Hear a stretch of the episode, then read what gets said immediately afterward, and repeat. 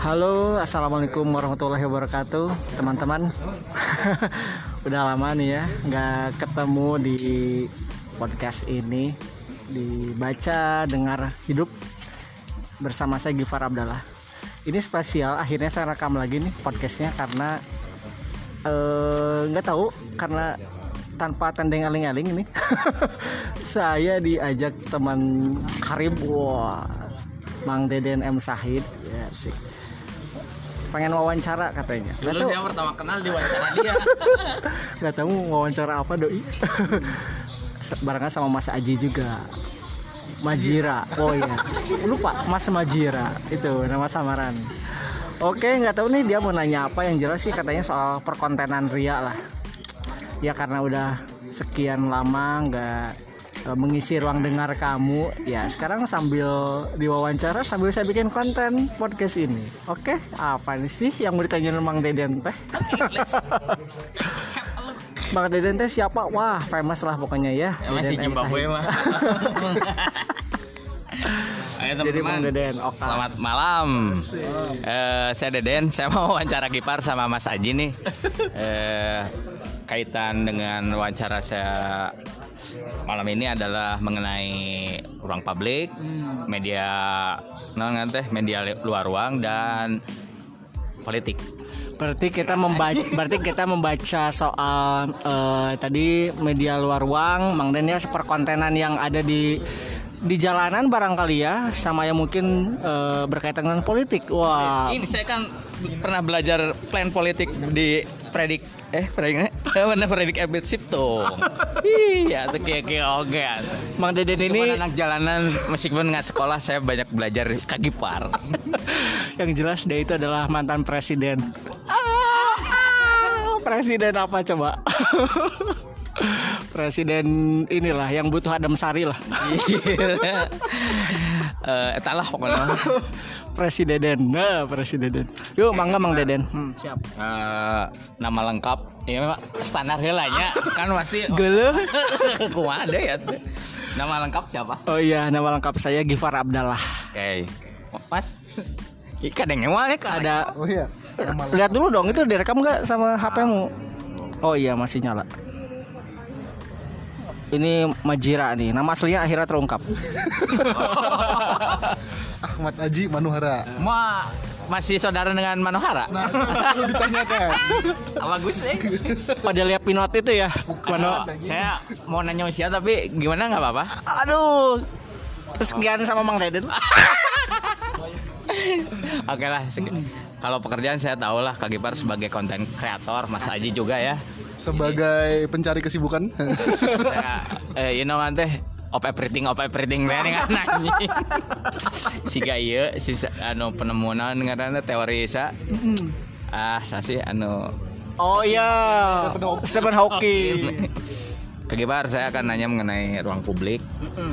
eh, media luar ruang dan Saya diwawancara sebagai publik, ini sebagai, apa? sebagai masyarakat Kota Bandung. Siap. Jadi kaitannya saya eh, apa narasumber yang saya wawancara itu adalah masyarakat Kota Bandung eh, yang apanya tanggapan dari masyarakat Kota Bandung mengenai ruang publik, eh, terus privatisasi ruang publik, media luar ruang, kampanye politik dan sebagainya. Oke, siap. Pertanyaan pertama adalah? Ada. Belum apa-apa udah tegang anjir. Kayaknya gak ada bisa lah sangat naon kan leh formal banget. Tahu. orang baheula wawancara didinya teh Heeh, formal gitu. Karena kan belegug jadi itu formal Kumaha Mang Den? Gimar, eh, tahu mengenai ruang publik nggak? Iya. Jauh anda ruang publik itu apa? Oke, yang saya pahami Apa? ya bahwa memang ruang publik itu adalah memang eh, prinsipnya gini bahwa ruang itu milik siapa sih gitu. Artinya kan ada ruang-ruang privat yang artinya eh, ada pengklaiman lah katakanlah ada bentuk eh, kepemilikan yang memang itu akhirnya akan menjadi batasan bagi orang lain. Misalkan ruang-ruang privasi, ruang eh, ruang swasta. Nah, ruang publik ini tentu saja bukan serta merta bahwa segala eh, apa istilahnya eh, ruang-ruang space itu akhirnya milik pribadi personal. Tapi memang di situ ada ruang-ruang sosial gitu. Kebayang aja kalau semuanya itu adalah sudah punya kepemilikan orang lain saya sertifikatnya keadaan ya? Ya diiringi lagu musisi jalanan. Kebayang kalau bahwa semua dikuasai oleh eh, ruang-ruang yang ada di dunia ini di ko- kota Bandung pada khususnya itu dikuasai oleh pihak-pihak swasta di mana akhirnya eh, publik bisa menikmati space-nya gitu. Jadi saya mau definisi kesotoyan saya nih ya akhirnya memang ruang publik itu adalah ruang di mana space untuk bersosialisasi di mana di situ tidak ada batasan-batasan privat tidak ada batasan-batasan yang akhirnya eh, apa ya keleluasaan untuk untuk kebutuhan manusia bersosial terpenuhi gitu. Jadi menurut saya itu adalah hak ruang publik itu adalah hak. Karena ada haknya masyarakat ya Betul. di dalam suatu entitas kota. Ah. Ya. Ya. Oke. Ya. Iklan. Ya ada iklan sekelas info. ya, oke. Gitu Kak Dan jadi menurut saya ruang publik itu hak. Di dia tuh bangga. Baik kok di, dari Ya, saya bersama ini sebelah saya ada Angga Surangga. Dia pemilik eh, Podol Asu. Podcast online Angga Surangga. Eh, jangan salah. sebagai ya. Iya, sebagai juga. Jadi kalau Mang Deden terkenal dengan teh kucing. kalau Angga Surangga itu adalah Podol Asu. Podol Asunya akronim. Podcast online Angga Surangga. Bisa disimak lah di dunia media sosial. gitu Kak Den menurut saya. Nangkep nggak? Mas Haji, Mas Haji. Udah diborong sama Gifar semua Kan jawabannya. ada eh, apa perspektif lain dari Anda. Berbicara ruang publik Ah, dan ruang swasta atau misalnya private property lah ya. Ruang publik sendiri kan bisa kita artikan sebenarnya bener apa kata Gifar tadi itu hak untuk publik atau masyarakat gitu kan. Cuman kita harus lihat sendiri apakah ruang publik itu tuh free atau misalnya bisa diakses eh, oleh orang masyarakat pada umumnya atau akan bersifat komersil gitu kan. Kalau ada sebuah ruang publik ada tiket masuknya apakah bisa bisa dibicarakan itu menjadi sebuah ruang publik. Nah, itu kalau saya mah Ambigunya. jadi ambigu. Ruang publik tuh sebenarnya untuk siapa? Dibuat untuk apa? Apakah cuman sebuah monumental belaka gitu loh. Yang seperti kita lihat. kemarin Ya. Mau nyindir-nyindiran nih? enggak enggak saya. Ini kan Ini real, real- Realitas aja. Realitas. kalau saya ngelihat bahwa ruang publik akhirnya menjadi ambigu. Pakemnya seperti Kang Gifar tadi sampaikan secara teori dan sebagai sarjana komunikasi ya masuk tuh terstruktur. Kalau saya mah sekarang menjadi pertanyaan ruang publik publik siapa? Gitu. Itu Kak Den. Oke, eh, Bagian sadar-sadar ya apa ya? nggak apa-apa, nggak apa-apa. Karena harus ada dua perspektif berbeda gitu. Makanya dihadirkan sebagai eh, teh hiji gitu. Nah, menurut anda ruang publik di Bandung itu gimana sih? Kan eh, sebelumnya di era ke belakang itu ada fenomena ruang publik yang oh ya monumental gitu, di Jion, di Jion, di Jion. Eh, kayak mercusuar gitu kan karena teh harum di luar tapi di dia pada dasarnya mah karena kita sudah merasakan interaksi dengan itu langsung jadi merasakan gitu. Ya. Menurut Anda gimana? Ruang Siap. yang ada di Bandung. Oke, eh, bagi sayanya Mang Den bahwa ruang publik teh eh, seperti halnya eh, apa ya sesuatu yang sering kita temukan, sesuatu yang mungkin eh, kita rasakan, kita kita miliki sebagai publik, yang mana kerasa kehadirannya itu saat tidak ada, gitu. Kayak ginilah eh, sebagai ilustrasi ya. Bahwa kita misalkan saja eh, punya area taman bermain ataupun taman untuk bermain bola di halaman gitu yang itu bukan milik eh, privat bukan milik seseorang ataupun milik swasta gitu ya. Ya kita anggap itu sebagai ya udah sebagai tempat eh, bermain bola gitu. Tempat yang kita bisa gunakan buat berolahraga buat berkegiatan masyarakat segala macam saat itu tidak ada akhirnya kerasa. Kerasa. Wah. Pentingnya. Pentingnya. Ternyata iya ya kok saya jadi nggak bisa main bola lagi di situ? Kok saya nggak bisa lagi eh, kumpul buat olahraga ataupun bawa eh, saudara keponakan yang kecil-kecil buat jalan-jalan gitu ya? Oh iya ya ternyata kita sudah kehilangan ruang publik itu. Nah di kota Bandung sendiri kalau saya lihat bahwa memang buat sayanya gitu. Di beberapa tahun ke belakang eh, itu kerasa tuh mulai ada aktivasi saya bilang ya. Ada aktivasi ruang-ruang publik bahkan eh, nggak cuma aktivasi Mang Den. Ada yang awalnya eh, idle gitu ya.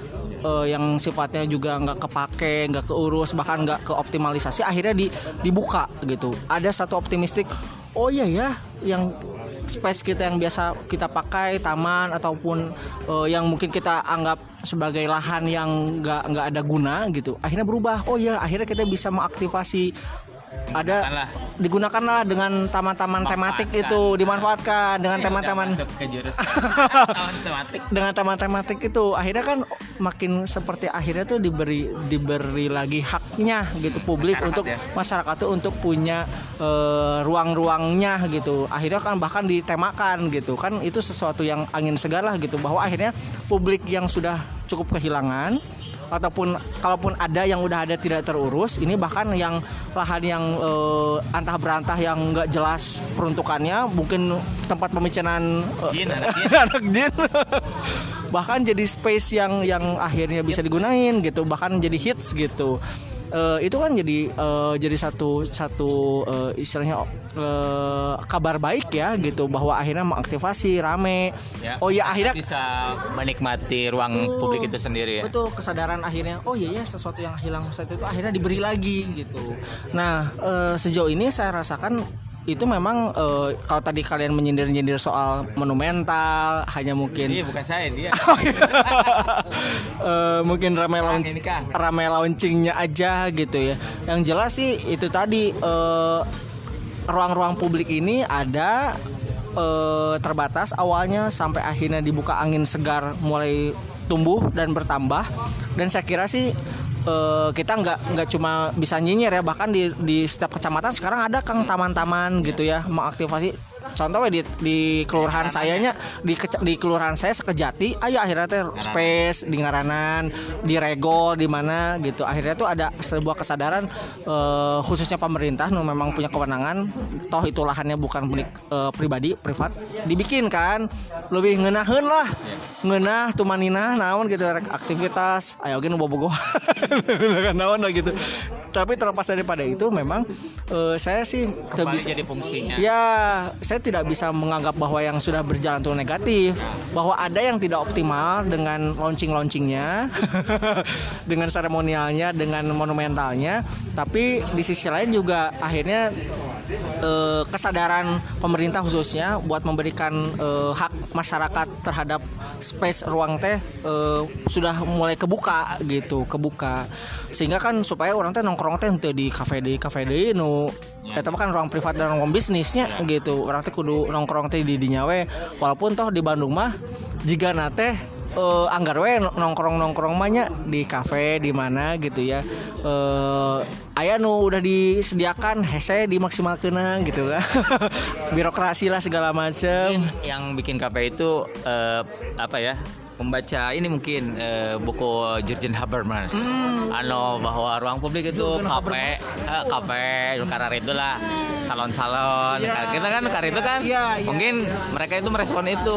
Mungkin ya itu kan saya. akhirnya tuh swast em, ini ya akhirnya komoditi kan. Komersil. komersil kan karena kebutuhan ngariung mah Kan tetap dulu aya Di Inggris sama di Prancis juga gitu. Masya Pertemuan orang itu kan oh pernah ke sana Ah, pernah.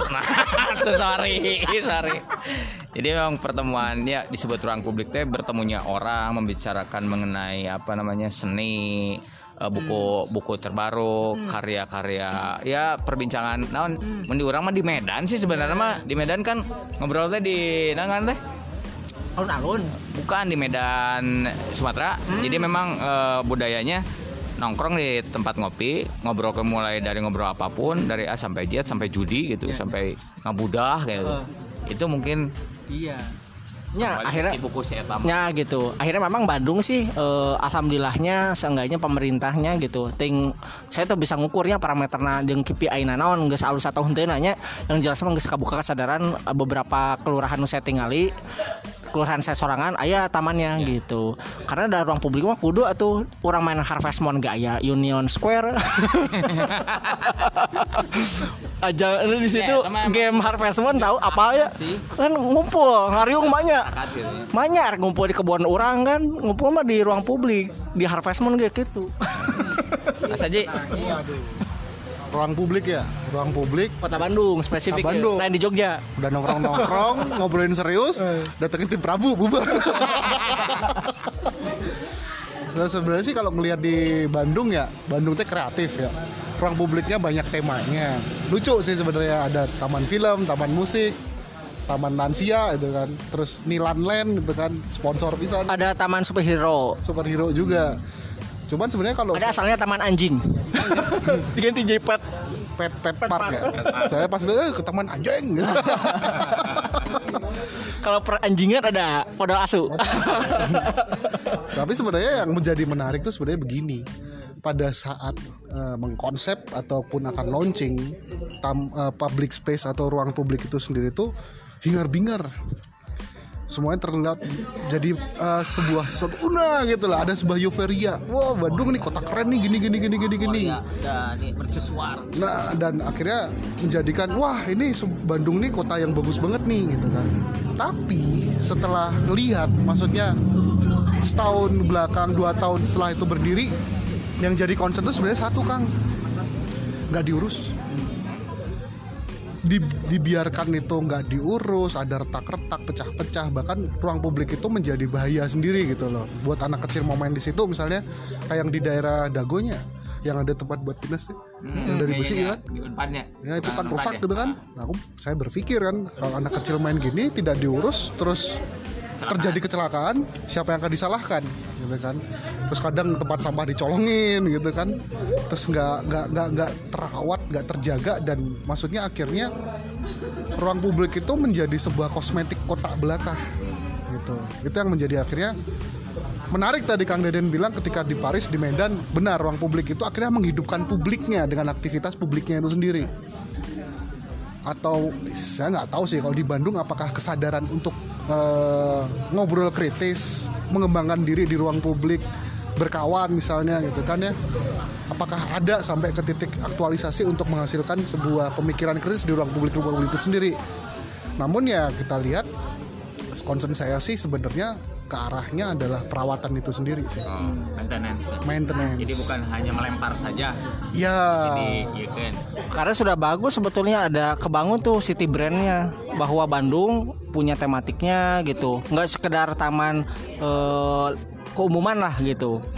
Ya itu persoalan tantangan berikutnya kan nggak cuma soal launchingnya ya. Seremonial awal kemudian akhirnya eh, terbengkalai gitu. Tapi terlepas itu tadi akhirnya mungkin eh, nggak- eh, belum sampai ke ranah belum sampai secara sistematikanya tuh punya punya pengelolaan yang eh, sus- sustainable gitu. Nggak yang akhirnya belum bisa sustain. Orang mah pernahnya ke Surabaya wenya itu kan yang dibenahi itu adalah ur- urusan publik taman naon gitu akhirnya yang membicarakan kota kebaikan kota itu adalah orang-orang warganya sendiri gitu. Saya naik grab naik naon di Surabaya gitu. Akhirnya nu muji teh lain urusan publikasi di media karena pas launchingnya doang enggak. Tapi, tapi yang merasakan eh, langsung. wah ini keba Surabaya? pernah. Kalau saya kalau saya level nasional kayaknya kalau ini level Eropa ya. Alhamdulillah. Gitu kak Den menurut saya. Ya kalau dikomparasikan tidak tidak buruk-buruk amat lah di Bandung tehnya ruang publik teh tapi kalau sampai ke level optimal ataupun maksimal jika nama bisa lah lamun digenjot lebih tinggi lagi gitu upaya perawatan sih khususnya tadi spesifik tujuh mm. Oke. Oke. Eh, pertanyaan selanjutnya adalah mengenai media luar ruang. Apa yang Anda tahu mengenai media luar ruang? Waduh, sadis. Anda orang branding ya? Atau Anda orang billboard? ya, media luar ruang. Oke, itu kan sebetulnya eh, di pemahaman saya ya yang tidak ilmiah ini. Ah jangan gitu, lah. Makanya saya nanya kalian-kalian saya biar insight banyak. Iya. Pinter. media eh, media luar ruang. Oke, bahwa eh, media media apakah ada media dalam ruang gitu sehingga muncul istilah media luar ruang.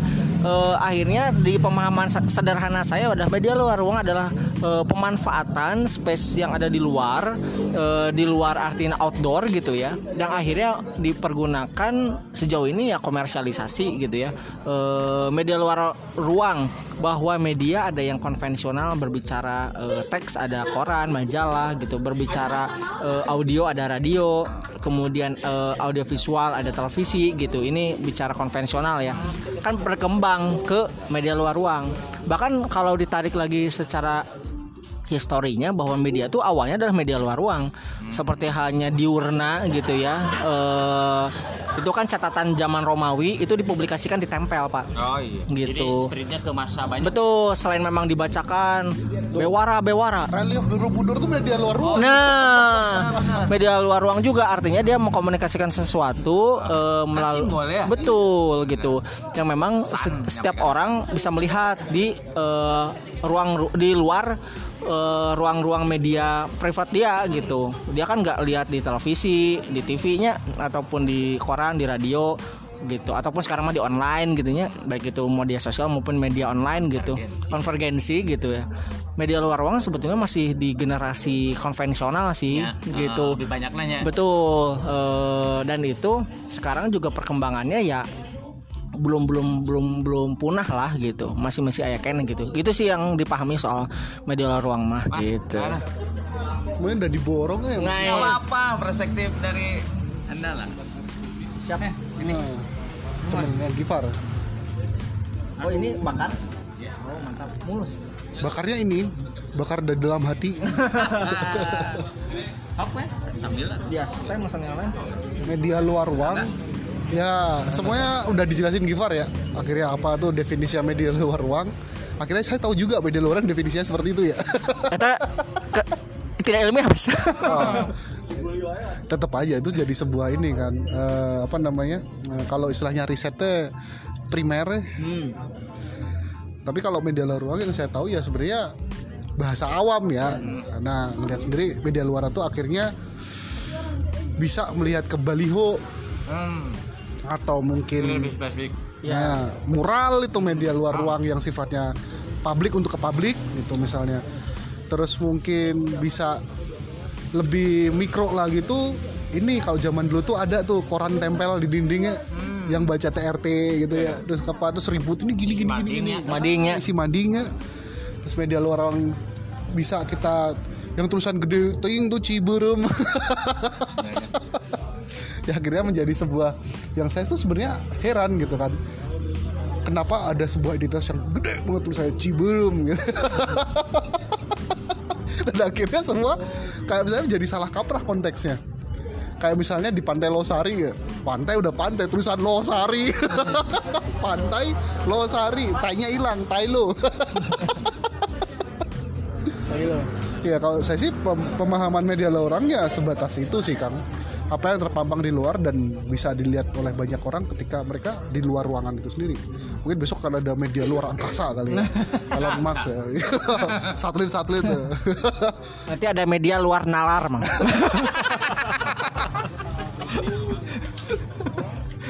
Saya nggak kepikiran.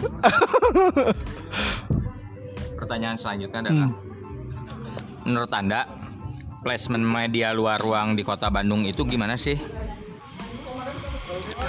Sesuai dengan tata kota nggak? Atau menurut anda secara estetika ini cocok nggak? Atau maksudnya teh proporsional atau eh, estetik nggak? Itu pertanyaan. secara tata kota mah walau alam bisawabnya Ya, karena eh, bisa tanya lah orang tata kotanya yang jelas. Masyarakat ya saya pernah saya awalnya nggak ngeh mang. Karena kan itu tadi kita istilahnya terhadap hal-hal yang di luar kita yang sudah dirasakan tuh akhirnya tuh take it for granted deh gini gitu. Jadi kita kita menerimanya begitu saja tanpa tahu eh, asal usul. Jeung eh, nah kudu gitu terus emang kuduna kumaha? Gitu. Ya udah apa yang hadir aja. Dahar we. Toh da awama tak apalnya. Gitu akhirnya ditampi we dit, dit, diteri bulet gitu. Nah akhirnya muncul eh, daya kritis itu ataupun sikap-sikap yang eh, kritisi itu adalah memang hadir orang oge baru menyadari bahwa itu sesuatu yang perlu dikritisi ya dari pembacaan media. Dalam artian pernah jadi berita lah di PR pikiran rakyat pernah baca gitu ya kemudian di pernah juga jadi liputan khususnya PRFM radio gitu. Dan itu isu bahkan di orang 2012 masih jadi eh, wartawan gitu. Saat itu memang akhirnya teh oh iya ya publik teh dianggap belegu gitu dan orangnya ada mungkin belegu pada dasarnya ya gitu. Hanya menerima eh eh nyanggeus we da Telak telak gue. dasa aing mereng gitu nya ayam nu masang tiba-tiba non teh billboard aya nu masang apa nu masang apa gitu. Eh ya terhadap orang yang mengenal estetika ataupun punya referensi gitu terhadap eh, bagaimana harus sebetulnya ditata itu kan iya nya eh, iya mata gitu polusi mata pandangan gitu psikis gitu. Kita teh selalu ditempa diterpa sesuatu yang akhirnya tuh selalu komersialisasi materi gitu. Bahkan saya selalu merasa bahwa di jalan itu saya selalu disenyumin Raisa gitu. Ada Raisa ada juga Chelsea Islam kok dia senyum terus ke saya? Padahal saya nggak kenal gitu. Ah benar-benar. jadi eh, padahal ya itu tadi kalau kaitan sama psikis ya gitu soal estetika mah ya saya akhirnya nggak dah nama teh gitu gitu dan pas jalan-jalan keluar gitu nya keluar angkasa bahwa. Inyanya eh titinggalian teh eh, iya gitu asa asa ya? heeh gitu iya we hegar gitu ningali teh naonnya bahasa jadi ngerti lah. paninengan teh oh paninengan ngeunah gitu nya ningali eh, kota kemudian dengan komo eh, apa gaya artis, eh, arsitektur segala macam nu dijaga. Uh, wah tapas arsitektur geus alus aya tanda eh, dijual. Atau hubungi ini ataupun Vina. Terus terus ada. Eh, eh, terus hal yang komersil gitu. Itu memang kudu mah jika nanti gitu meren ya karena saya pun tahu akhirnya disadarkan oleh eh, orang-orang yang kritis ya gitu. Itu kan kita hak orang teh sebenarnya mah memang tampiwe nu nu akhirnya kan itu teh tampiwe nu aya gitunya ku. Itu kan akhirnya di teh yang alam ya saya mengistilahkan diperjualbelikan lah tanda kutip ya oleh yang pihak berwenang gitu. Sok pasang billboard bayar gitu ataupun mau pasang reklame baligo komo lamun kers pas masa-masa pil inilah pilkada gitunya pilkada ataupun pemilu gitu kan di mana-mana politik lah gitu ya. Masang oh itu. Masang-masang nempel gitu. Tapi dah karena mungkin masyarakat mungkin orang kita termasuk di dalamnya gitu ya bahwa ya nggak sesuai dah. Oh terus biasa gitu gitu masang oge sedot tinja gitu. Di pohon gitu gitu. obat gitu. Nah, itu kan sebenarnya mah sebetulnya kudu kumaha sih gitu nya eh, kudu kumaha ge? Eh, ternyata memang kalau nu bener nama ya te te te te se te sebrutal itu gitu. Kita misalkan katakanlah jalan ke dalam kaum ke daerah yang memang ramenya itu dan kap, kepetihan naon gitu. Kita kita asa tinggalnya teh gitu gitu orangnya muncul kesadaran teh karena memang ada yang akhirnya kritis kan awalnya mah ditampi we gitu kan teu nyaho gitu Karena nggak kita itu nggak dia- dilatih nggak diajar untuk eh, bersikap kritis ya. Betul. Dan akhirnya kan ada pihak-pihak yang ngeh dan akhirnya coba eh, ini tuh nggak semestinya begini nih gitu. Sehingga kan masyarakat secara umum akhirnya oh iya ya aware gitu. Tapi sejauh mana kritis itu mengubah kebijakan ataupun ayat perbaikan asana mah henteu gitu. Toh eh, ya tetap we orang jadi jika nanti mata orang teh mata kita teh tidak lepas pernah lepas dari sesuatu yang komersil gitu. Sesuatu materialisme gitu. Eh orang sesuatu yang unik we kadang aya nu baligo ngingatan soal bahwa bukan kamu yang hebat tapi Tuhanlah yang hebat. Wan deh. di jalan buah batu mang. Ayo baligo. Langka orang kieu jika nama ker uh, iklan gitu. Di buah batu tuh arah lus Mana? Pulang? Paralus padah naon padah memang can aya nu nempel we. Nu komersil. Nu eta nu tukang eta mah aya baligo McD hareup Oh, iya, iya, iya. halus we, sok aya pesan-pesan moral gitu. Tapi da itu juga eh, cocok atau henteunya secara estetika secara eh, ke ke apa? Hak dan kewajiban gitu berkaitan dengan kapublikna ya gitu. Kuduna mah ada apakah kuduna mah ada mungkin publik teh te dibere sesuatu nu terus komersil ataupun kudu ditata atau sampai urang teh pernah lepas dari brand-brand ataupun eh, hal-hal yang tadi eh, gitu. Urang teh kudu kadorong teh jadi jadi konsumerisme akhirnya teh karena kan selalu terpapar ya. Yes. gadget ongkoh iklan-iklan muncul.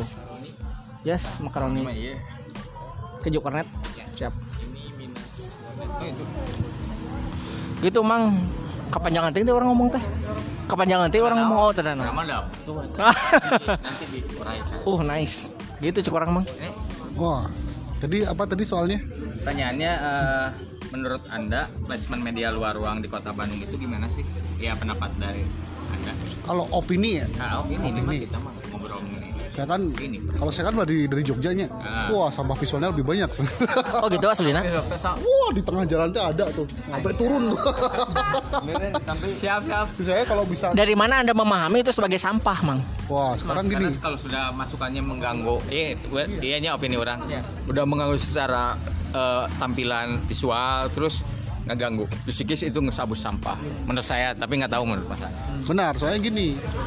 Ada kejadian itu yang sampah visualnya paling rusak tuh ya di Jogja tuh namanya Jalan Kaliurang kan. Hmm, terkenal ya kali Wah, itu mah udah istilahnya kalau itu kali orang kali mana kali kali orang. Jadi kalau bisa itu bisa baliho di depan muka depan muka kayaknya tuh. Karena bener-bener dia udah menjorok ke dalam. Dan istilahnya pas kita jalan tuh akhirnya orang tuh kan ngeliat ke atas, lihat ke kiri, lihat ke kiri, akhirnya terjadi kecelakaan. Sering dulu tuh. begitu Iya. Membahayakan. Iya. Nah, tapi akhirnya ber- menariknya ber- berbicaranya seperti ini sih. Kita akan melihat tata sebuah media ruang itu sendiri ya. Cita-citanya apa misalnya gitu kan? Cita-citanya apa? Apakah misalnya kumpulan baliho komersil itu ditumpuk di suatu tempat itu akan menjadi sampah visual? Eh, bisa iya, bisa enggak. Benar. Kalau sesuai dengan peruntukannya Ah. dan eh, apa ya estetik gitu. Ah. Soal amun orang yang buka melewat kan ada lewat, lewatnya bener mah Nah. nggak akan jadi. Itu kan yang menarik ketika kita ngelihat kayak misalnya kita jalan di distrik Akihabara Tokyo gitu nya. Untuk kan wow, Nggak jajar. ngejajar, tapi tapi akhirnya bentuknya baligo atau reklame lain reklame baliho dan udah itu mah udah berantakan gitu. jalur komersil Hmm, terus kayak kita main ke Shenzhen Hong Kong atau Hong Kong ke- itu kan banyak banget. Tapi yang menarik itu menjadi sebuah identitas tempat itu. Wah Cina nih, atau di New York tuh apa yang uh, Spotnya. Spring Street. nah, nah. Nah, akhirnya akan menjadi hal kalau di sisi saya Identitas. jadi identitas tempat itu bahwa itu komersial distrik dan akhirnya eh, itu menjadi tempat yang kultural lah misalnya. Wah kalau nggak ke sini mah Belum kan nih? belum ke sini, belum kerasa gitu kan. Hong Kong. Ya. Tapi menariknya ketika mereka punya konten yang sifatnya nature, geo tra- apa tourism minim Dijaganya. dijaga Sesuai peruntukan. sesuai peruntukan. Karena tadi memang daerahnya eh, komersial distrik kabusnya jadi gitu hokwe. Jadi ah, akhirnya jadi seni. Ya, ya. Jadi artistik. tapi ya. merenahnya merenah Elemen- diatur Elemen estetik ya Dina. Jadi setting film Jackie Chan Ah, ah. seru kan loncat-loncat ke Baliho gitu nya. Akhirnya melihat wah ini teh tempat yang ini tuh Hong Kong pisan Ya, gitu loh. Jadi elemen estetik ke kota. film triad ya You Kill My Brother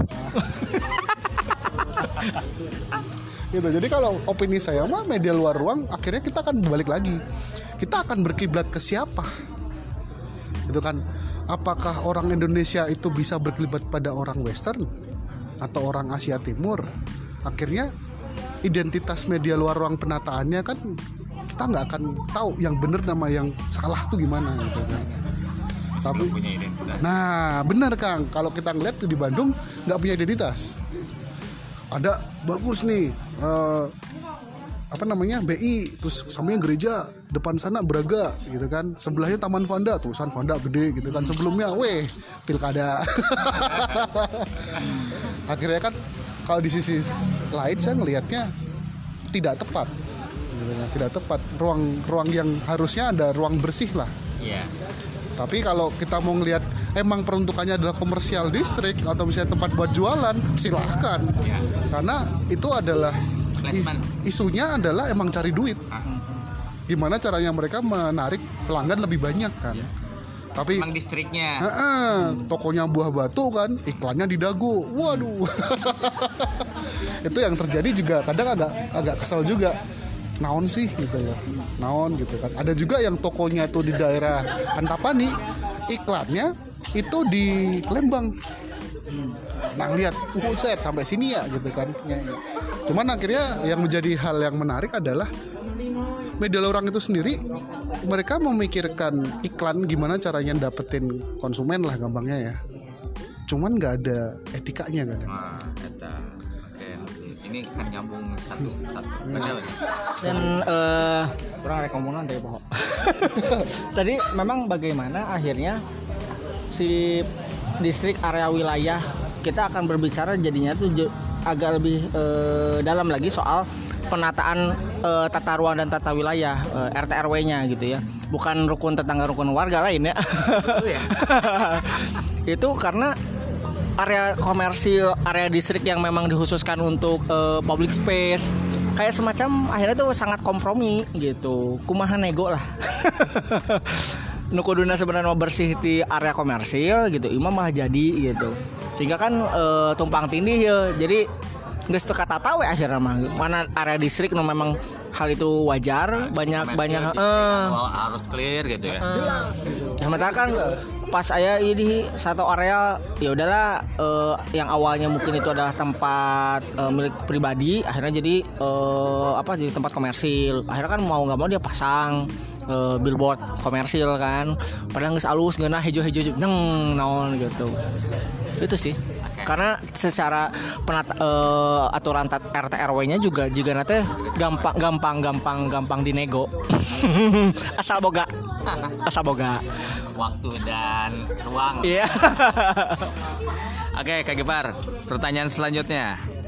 Kan sebenarnya eh, konvergensi media itu sudah berlangsung ya, udah cukup lama lah, udah berapa tahun ke belakang lah ya. Eh, menurut Anda, kenapa media luar media luar ruang masih digunakan sampai saat ini? Hmm, oke. Banyak banyak yang masih menggunakan. Eh, pertama saya ihulanya eh, pembacaan saya berarti ya. Karena ini podcast ini podcast baca dengar hidup ya. saya mention mention satu. Oke oke. Bahwa eh, pembacaan saya eh, istilah konvergensi media eh, yang memang populer saat itu di digaungkan sekitar saya pas mahasiswa lah gitu 2000 Udah 10 tahun yang lalu lah eh, gitu. Pertama kan liputan 6 SCTV kan punya eh, media online-nya, punya berita TV-nya, kemudian akhirnya merambah berbagai media dan itu diikuti sama yang lain. Konsep ataupun pola konvergensi ini menurut orang sih ini memang perkembangan dari media baru lainnya gitu bahwa satu media eh, mengembangkan gitu eh, aliran ataupun channeling medianya gitu ya sehingga dianggapnya konvergensi pengistilahan aja tapi bahasa pragmatis orang ningalina adalah iya mah ya we, manfaatkan wartawan supaya ngerjakan wartawan mah hiji kudu ngavideokeun kudu ngetik tulisan gitu-gitu Bayarna hiji. Gitu. keserakahan media Anda. Oke, terlepas dari konvergensi bla bla bla eta, kenapa eh, ke poinnya soal kenapa masih dipakainya? Saya pernah diskusi eh, sa- saat memang masih bekerja di perusahaan media sebelumnya gitu. Satu hal. Oh, bukan, bukan yang Dotcoy, Oh, oh. yang sebelumnya lah. Oh. Eh, Eta lah. Ya, Nah, terbesar. Ya. Navigasi eh, terkemuka lah, bisnis terkemuka. Enggak tahu terpercaya lah. Eh, bahwa media ini hasil ya karena kan saya ikut eh, meeting dengan klien bla bla bla. Ada satu yang menarik bahwa gini, Pak. Setiap media itu akan punya eh, grade-nya sendiri dan value-nya sendiri.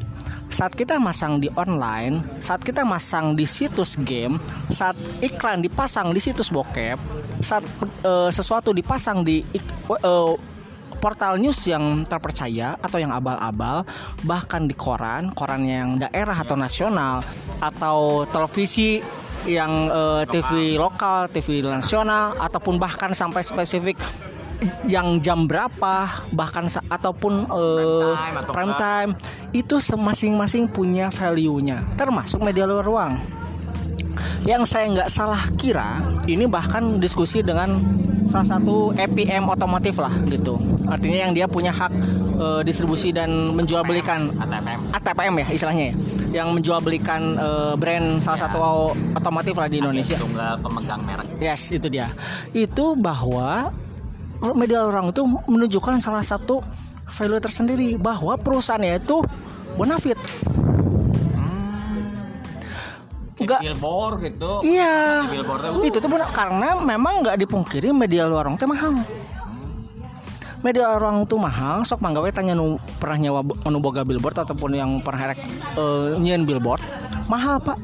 Itu menunjukkan se- sebuah perusahaan, sebuah brand, sebuah produk itu bonafit dan terpercaya.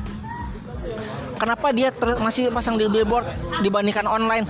Online mah media eh, ataupun perusahaan startup gak bisa.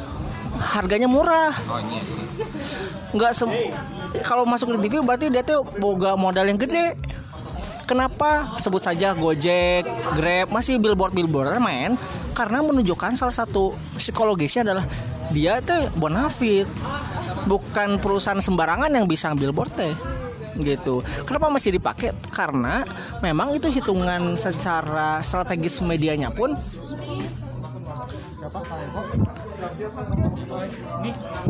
karena secara perhitungan eh, strategis medianya pun sangat real. Berapa cost per head orang yang lewat situ bisa dihitung.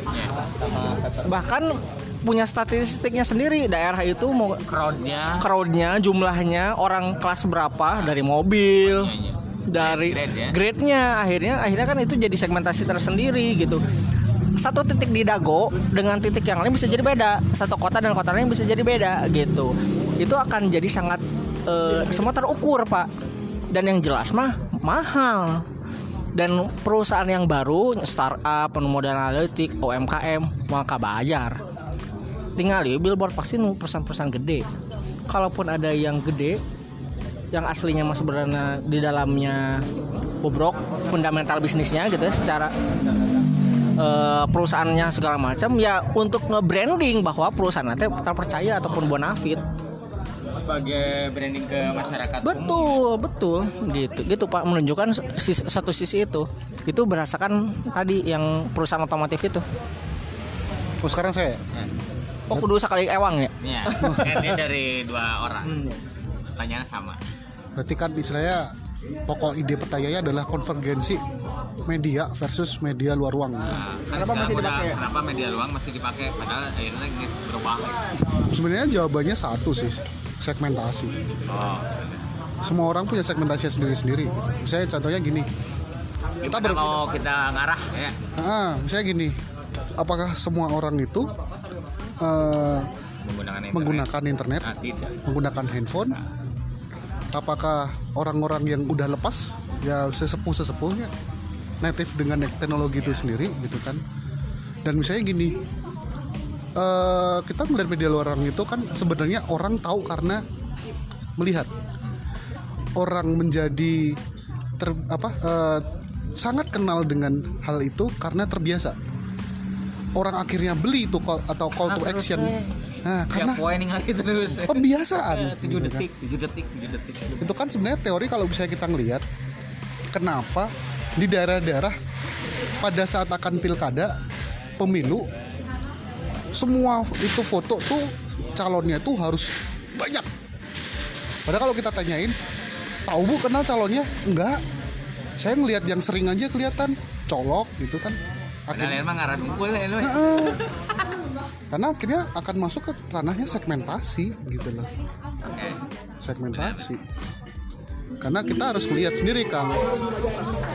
Secara misalnya kayak Gifar tadi ya ada sebuah kritikal yang bisa saya tackle gitu kan. Apakah media luar itu harus perusahaan yang bonafit? Ya belum tentu. Bisa Kan ada perspektif Iya. lain. buat mengimagekan Tapi mencitrakan belum tentu. Misalnya gini kita ngelihat di Nagrek misalnya ada rumah di pas pengkolan di Chatway Indosat. Apakah itu lebih mahal? Murah sebenarnya. Dia dikontrak rumahnya dicat ya tahun depan jadi Telkomsel. Itu kan sebuah me- menempatkan sebuah properti milik pribadi yang ditawarkan. Dan kita lihat Telkomsel atau misalnya eh, provider telepon lah gitulah ya. Kita katakan bonafit bonafit tapi ketika dia di placement da- pada sebuah rumah sebagai identitas iklan mereka apakah mengurangi bonafitnya dia? Belum tentu. Tapi membiasakan untuk orang lihat oh sini teh paling kuat Excel ya. Oh sini teh paling kuat Telkomsel. Kenapa? Iklannya teh aya di mana-mana. Akhirnya menjadi sesuatu yang eh, orang tuh ya? ah gampang itu teori ini teori Teori cikaracak ninggang batu, lila jadi dekok. itu bahasa Jermannya kalau bahasa Indonesianya propaganda terus aja orang tuh diterus repetisi repetisi karena kalau kita ngeliat baliho paling mahal tuh di mana kang tempat paling macet Oh. pasti Ya, paling mahal ya di Kircon ya perapatan Samsat dirinya kan lilanya. Benar benar. benar. dan kita ngeliat iklannya adalah orang yang mau ngebeli itu mahal apakah iklannya harus bonafit Nggak mesti. nggak mesti tapi dia yang tahu iklan ini bisa masuk ke pasar yang lebih gede ya kan Karena crowd, Ah. terus durasi eh, berhentinya lama. berhentinya lama teh ngeliat deh Raisa Kan kayak ngeliatin lumayan, saya gila, gitu Seberapa kali nah, looping lah looping Heeh. mah. Vivo misalnya wah HP ya wah ternyata Raisa teh pakai HP Oppo nya gitu Padahal ya. Enggak, gitu kan. Kayak yang tahu aja kamu. Aku mah kenal sama Raisa. Oh, kenal. Ih, dia suka nelfon. Raisa mana? Raiso. Raisa. Nah, sebenarnya kalau misalnya kita berbicara media luar media luar akan punah tidak. Media luar itu pasti akan ada. Karena segmentasinya kita Ada, akan mikir ada. pasti ada. Oke. Kita ke pertanyaan selanjutnya. Aduh, aku nanya terus nih, nggak apa-apa lah. Mumpung bisa nanya. Mas, Kamu kayak guru SD aja nanya pesanan satu lagi belum datang. apa? Ada Pesan apa? Pesan cewek. Kamu pisang apa namanya? kamu harus jangan pesan di sini. Eh, Kak Gibar, tanggapan Anda mengenai pemilu di Indonesia khususnya di Bandung ketika tahun politik menjelang tahun politik menurut Anda di Bandung gimana? Oke. Kayaknya udah Ini pisang Oh, aja. Ya, bareng-bareng aja.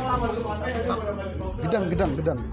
Jawa. mendekati pemilunya. Kayaknya ini kegelisahan banyak orang sih. Hmm, oh. Iya, kegelisahan- ini intinya. Kegelisahan banyak orang adalah bagaimana eh sangat brutal gitu. Sangat akhirnya tuh brutalnya di sini bisa jadi sampai ke entahlah ya saya nggak bisa eh, sampai menilai apakah sampai sudah fatal atau belum ya.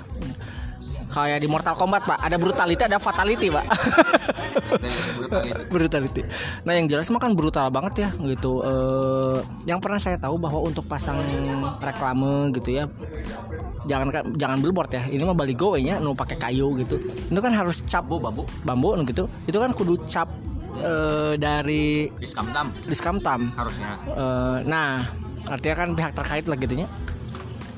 Itu kan artinya teh ceyah merenya oh, pas eh, politiknya karena pada masang gitu. Entahlah apakah itu juga eh, bagian dari eh iya maremana musim ramainya untuk panen gitu ya pemasukan daerah anggaplah begitu Eh, terus kan ada mulai peraturan bahwa billboard ataupun yang eh, iklan-iklan itu difasilitasi oleh KPU Nah, emang ada yang fasilitas ya? yang bagian pilpres kemarin kan gitunya sehingga dibatasi lah gitu dibatasi? dibatasi kan itu ada di Undang-Undang Nomor 7 2017. Masya Allah. Nah, isinya mah orang eh, gitu lah Mas Kerja. kira-kira begitu lah ya Kayaknya pernah. Kliennya politik pernah. oh iya. Ada pernah pegang klien politik ya Enggak, gue mah enggak. Ah, jauh lah. jadi gitu mang. Rame bahkan jangankan eh, pemilu pas dernanya ataupun pas kampanye. Pas masa misalkan ayah eh, di Bandung teh sering tuh eh, pertemuan rakernas naon eh, partai partai Jauh sebelum tahun nya misalkan eh, pas eventnya memang di Bandung gitu kan brebet partai logo iya, iya. logo partai itu di mana-mana. Sabuga, lamun teu trans tah nu kar itulah gitu. Artinya? Mengganggu ya menurut masyarakat. eh gitu. Eh nya iya we gitu. Jadi orang teh itu ya apakah sebetulnya ada masyarakatnya termasuk ya kita publik gitu itu kan boga haknya? Iya. hak untuk nggak salah tong di di di dijejel ku dijejali oleh sesuatu yang eh, kepentingan kepentingan politis lah kepentingan komersil terus terusan lah gitu. Eh nya karena guys membabi buta gitu. Yang mudah-mudahan sih eta diaturnya gitu. Eh, setidaknya pas pilpres kemarin kan ada ada ada aturan pembatasan gitu karenanya ya ruang publik akhirnya balik ke soal etanya. Eh, ayana ayana baligo ataupun ayana pemanfaatan pas masa kampanye teh. Ya sebenarnya efektif tidak efektif ya karena mungkin itu juga menyasar orang-orang yang itu tadi yang kurang well educated gitu. Segmentasinya untuk terus terpapar nama-nama calon dan wajahnya. Karena kan ada coblos wajah ya gitu itu yang jadi jadi persoalan gitu. Sehingga lah mau ditarik lebih jauh lagi ke atasnya lagi gitu ya. Ya iya yang aya persoalan ya di sistem perpolitikannya gitu.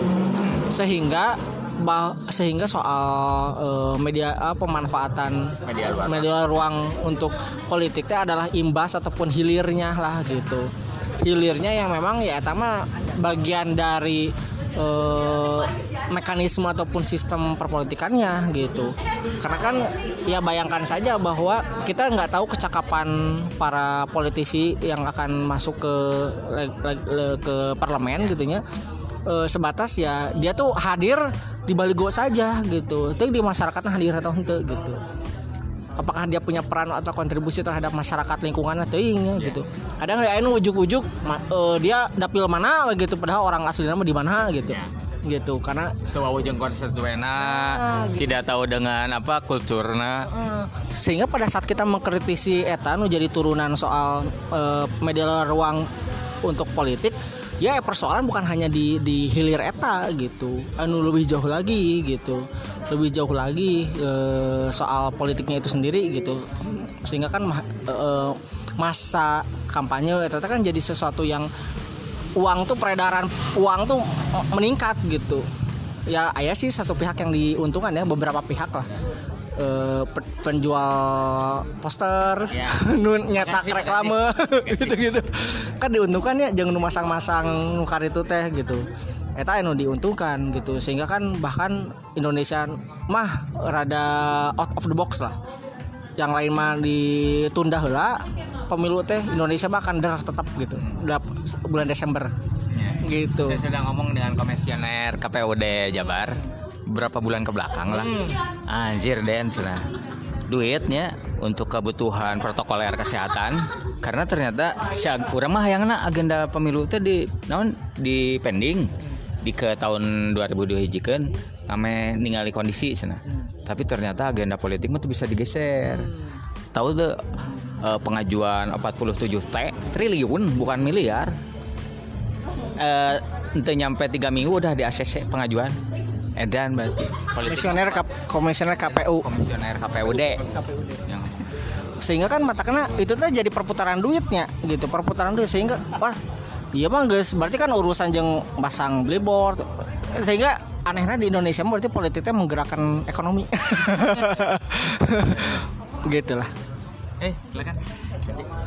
Wah, bahasanya tiba-tiba politik ya. Eh, karena itu pertanyaannya. Kan- kan nyambung tuh. tadi pertanyaan apa sih? Anda tuh ulangi Pemilu di Bandung. tanggapan anda mengenai pemilu di Indonesia khususnya di Bandung lah ini kita di Bandung Kalau di Bandung sih sebenarnya saya tidak pernah menggunakan hak pilih ya, oh karena nggak pernah ada namanya KTP Jogja KTP masih udah eh, Bandung. tapi eh, kan tinggal di sini udah berapa lama di Bandung 2013. berarti udah mengalami apa Udah. namanya mengalami pilkada hiruk pikuk eh, Iya. politik kan Tapi nama saya tidak pernah muncul. Loh, kok nggak ada namanya? Ya udah istri aja gitu kan. Berarti kan udah mengalami non kerujutan gitu kan. Hmm. Nah, saya nggak bilang rujit pak apa? bapak yang rujit bapak yang bilang rujit Jadi gini sih kalau melihat hubungan pemilu dan media luar ruang ya. Ada hal yang menarik tuh begini Kang akhirnya Kang. Orang yang akan berpolitik itu melihatnya tuh sebagai sebuah ladang bisnis. Nah, akhirnya apa? Orang yang berpolitik di Indonesia ketika mereka nyalon atau maju ya atau bertanding ya, mereka tuh mainnya tuh perang image. Bukan perang konsep, bukan perang ide atau perang program. Walaupun ada yang perang-perang program dan akhirnya pun itu di tataran yang tinggi. Presiden, gubernur, tapi ke pil- pilkada DPRD, DPRD 1, DPRD 2 taya. Cuman bagi-bagi kalender kalender semua. Iya. Kalender. Nah akhirnya kan ini hal yang menarik sebenarnya akhirnya akan mengerucut. Mengerucutnya gimana? Kenapa para pemain kontestan-kontestan politik ini ya berpikir adalah udah kita perang image. Kalau kita mau ngelihat ya orang Indonesia tuh akhirnya pola pikirnya tuh menjadi tiga. Diklasifikasikan menjadi tiga hal. Satu orang Indonesia tuh berpikir emotif mengedepankan emosi dulu yang kedua orang Indonesia tuh ngelihat citra wah kapan lagi ya punya presiden gagah masih kan nggak dan itu berhasil 2004 itu ya. Ya, ah. yang akhirnya kalau galau bikin lagu ya Terus kan kapan lagi presiden Indonesia dari kalangan orang biasa. Nah, akhirnya kan main citra. Dan yang ketiga, orang Indonesia tuh melihat sesuatu hitam dan putih. Kubu A katakanlah pro terhadap suatu agama, dianggap kubu B itu kontra dengan terhadap suatu agama. Iya eh, identitas ya. Identitas, Politik politik identitas hitam dan putih gitu kan. Akhirnya yang diserang adalah tiga hal ini. Ya udah saya pengen nyalon nih, yuk kita bikin dangdutan, yuk kita bikin bakso, yuk kita bikin apa. Terus habis itu gimana pola kampanyenya? Ya udah mukanya yang cakep, yang ganteng, pokoknya muka aja. Program bodo amat orang nggak bakal baca. Yang ketiga, ya udah deketin ulama, deketin ini, deketin itu. Akhirnya tiga hal ini menjadi dasar kenapa akhirnya media luar ruang digunakan dan eksploitasi seperti itu karena ngelihat pasarnya. Segmennya. Benar. Makanya ketika seperti ini ya akhirnya saya ngelihat perlu edukasi lah dan itu emang tidak murah dan tidak mudah gimana caranya Indonesia ini baru istilahnya demokrasi itu hitungannya Baru 15 tahun lah. baru 15 tahunan lah setelah Ya pasca reformasi mah baru 15 tahun, baru 2005. iya pasca reformasinya Ah. kan sebelumnya mah eh, terpimpin. nah Eh, orde lama, orde baru, nah makanya kalau kita berbicara bahwa Indonesia itu baru belajar demokrasi baru belajar. Pastinya baru belajar. Nah, padahal kalau kita berpikir demokrasi itu apa, harus ada sebuah pokok pemikiran tentang kritikal berpikir itu sendiri kritis gimana gitu loh. Tapi ketika yang diajarnya seperti itu, karena kita sudah diajarin dari zaman dulu bahwa tiga hal ini harus ada. Contohnya dulu di Jawa Tengah tukang ya, yang paling kuat basicnya itu adalah beringin, bukan banteng. Sampai pohon beringin di pinggir jalan warnanya kuning dan ketika ada PNS nggak nyob- nyoblos beringin ketahuan gimana ceritanya Anehnya, aneh padahal dulu masih luber ya. Iya. Bukan sekarang jurdil kan, jujur iya. jurdil. Oh, luber kan maksudnya lubernya ke pembisik pembisik wah luber nih gitu. iya makanya. Nah dari situ ya singkatannya Yang langsung umum bebas, Langsung bebas dan rahasia. Oh, iya, Iya. rahasia tapi nyaman. iya rahasia buat yang nyoblos. Yang ngitungin nggak rahasia. Makanya luber. Orang apal wae nyoblos nanti naon. iya nah dari situ akhirnya kita juga tidak akhirnya menjadi kekunci lah deadlock gitu loh. Di sisi lain kita akan mengkritisi kok begininya. Tapi di sisi lain orang ya ya ini mah gampang. Kita tahu akhirnya dia yang akan dicoblos satu-satunya calon. Nah kayaknya dia ya. Ternyata ada 10 ada 20 ada 12 kan. Nah pertanyaannya apakah itu menjadi sebuah funnel atau filtering gitu kan? Dengan menampilkan citra akhirnya kan kita akan berpikir orang yang punya modal yang bisa naik. Karena permainan citra ya. permainan citra Yang butuh modal gede. yang butuh modal gede. Nah pertanyaannya ketika kamu ngeluarin modal gede, kita akan berpikir win-win dong. Saya udah keluar modal berapa nih untuk jadi ini nih? Wah 15 m. Gimana caranya saya dapat 30? Pasti Pasti. otomatis semua. Oke, itu tadi lanjutan dulu. Kita akan lanjut lagi nih obrolan memanas dari Bang Deden sama Mas Majira. Karena udah ini merah. udah merah, ini maksimal satu jam 60 menit. Oke, kita akan sambung di part 2 ya. Oke, terima kasih. Di baca dengar hidup bagaimana kita membaca ruang eh, media luar ruang dan juga soal perpolitikan di kota Bandung khususnya. Mantap, Mang Deden. Yuk, sampai jumpa. Kagumi dan hormat. Assalamualaikum warahmatullahi wabarakatuh. Sampai jumpa di part 2.